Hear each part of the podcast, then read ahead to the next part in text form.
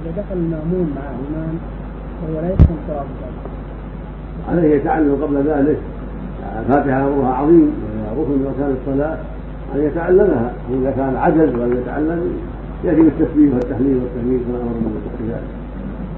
من عجز يحمد الله ويهلل ويكبر سبحان الله والحمد لله ولا إله إلا الله والله أكبر. ولا حول ولا قوة إلا بدل الفاتحه إذا عجز عنه. الماموم الماموم دخل مع امام والامام لا يحسن القراءه. حكم صلاة المأموم وراء إمام لا يحسن قراءة الإمام لم يحسن الفاتحة أيوه هذا يحتدث إن كان لحن يحيي المعنى يرد يفتح عليه. إذا لحن إن كان اللحن لا يحيي المعنى فالأمر في هذا واسع فإذا قال الحمد لله رب العالمين والحمد لله هذا ما يضر. أو قال الرحمن الرحيم أو الرحمن الرحيم لا يضر.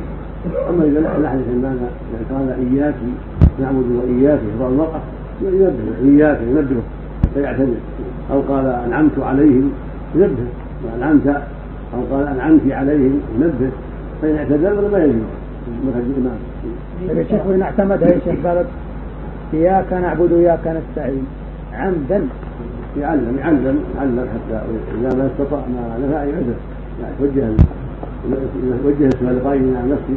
من في الخاص أو اوقاف يستوي الأوقاف ويسوي على الأوقاف حتى يبين أن هذا الإمام لا يجيد الفاتحه لكنه لم راتب يا شيخ. نعم. ويكون الإمام راتب ولو انه امام ينصح ولم ينتصر يبدل بغيره إذا كان يلحن لحن يحيل المعنى. نبه المسؤولون. ينبه المسؤولون حتى يثيروه نعم. إي الله الله يهديه. لو قام كل واحد لو قام كل واحد يجب عليه اعتدال فهو كلهم من من لم يقم بالواجب ينبه ويجاهد حتى يستقيم.